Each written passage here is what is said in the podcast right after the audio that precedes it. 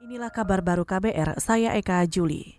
Saudara pemerintah mulai mempertimbangkan ide Mendagri Tito Karnavian untuk mengubah sistem pemilihan kepala daerah atau pilkada, yaitu dari pilkada langsung menjadi pilkada asimetris.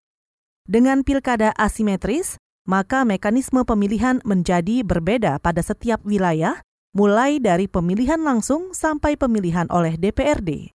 Menko Polhukam Mahfud MD mengatakan Ide pilkada asimetris juga disinggung dalam pertemuan Presiden Joko Widodo bersama Komisioner KPU tadi pagi. Tadi dibahas. Ada disinggung tapi tidak dibahas. Oh. Disinggung kemungkinan itu dan kita pemerintah belum punya pendapat resmi kan itu baru saling lempar ide. Oh.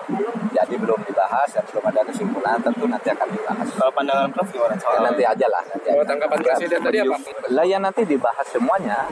Ya, Menko Polhukam Mahfud MD juga menambahkan pemerintah masih perlu waktu untuk mengkaji penerapan pilkada asimetris seperti usulan Menteri Dalam Negeri Tito Karnavian.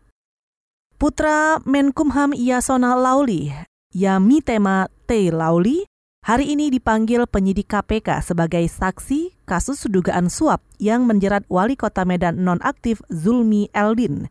Informasi selengkapnya disampaikan jurnalis KBR Siti Sadida Hafsyah langsung dari Gedung KPK Jakarta. Saudara Komisi Pemberantasan Korupsi hari ini memanggil putra Menteri Hukum dan HAM Yasona Lauli yaitu Yamit Tema T. Lauli sebagai saksi dugaan suap yang menjerat wali kota nonaktif Medan Zulmi Aldin.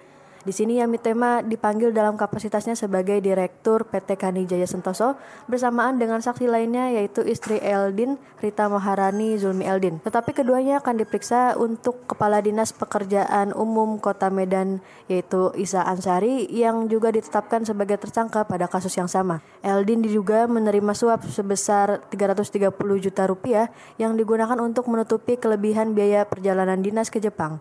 Saat perjalanan dinas ada kelebihan dana sebesar sebesar 800 juta rupiah itu diduga karena Eldin membawa istri, anak, dan pihak lain yang tak berkepentingan dalam pekerjaannya. Dari Gedung Merah Putih KPK Jakarta Selatan, Siti Sadida Hafsyah melaporkan untuk KBR. Saudara, pada penutupan sesi 1 siang ini, kurs rupiah melemah terhadap dolar Amerika Serikat. Pelemahan juga terjadi pada indeks harga saham gabungan atau IHSG.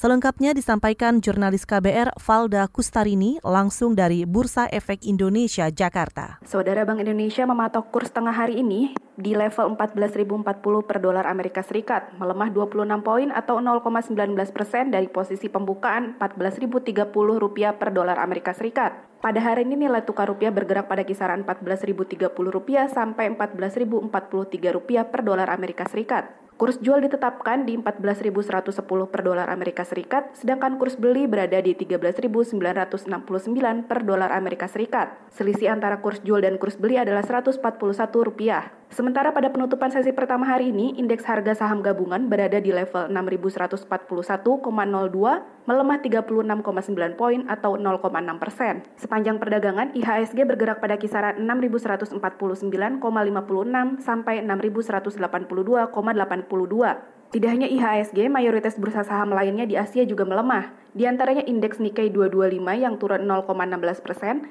dan indeks Hang Seng yang melemah 1,49 persen. Sedangkan indeks Topix menguat 0,11 persen. Dari Bursa Efek Indonesia, Sudirman Jakarta, Valda Kustarini, KBR. Saudara aktor Nicholas Saputra dipilih sebagai Duta Nasional Dana Anak-Anak Perserikatan Bangsa-Bangsa atau UNICEF Indonesia. Tugasnya menyuarakan pesan-pesan tentang hak-hak anak, terutama di kalangan selebriti. Perwakilan UNICEF Indonesia, Deborah Komini menjelaskan, Nicholas merupakan aktor, sutradara, produser, dan pegiat lingkungan yang punya karir baik, serta berani bersuara untuk kemanusiaan. Sebagai pegiat lingkungan, Nicholas Saputra juga punya tugas khusus, yaitu membantu kampanye terkait sanitasi yang aman dan akses air bersih. Nicholas juga akan bergabung dalam kampanye tentang sanitasi pada awal Desember nanti. Sebelum Nicholas Saputra, UNICEF Indonesia pernah memilih aktor Ferry Salim sebagai duta nasional pada 2004. Saudara demikian kabar baru, saya Eka Juli.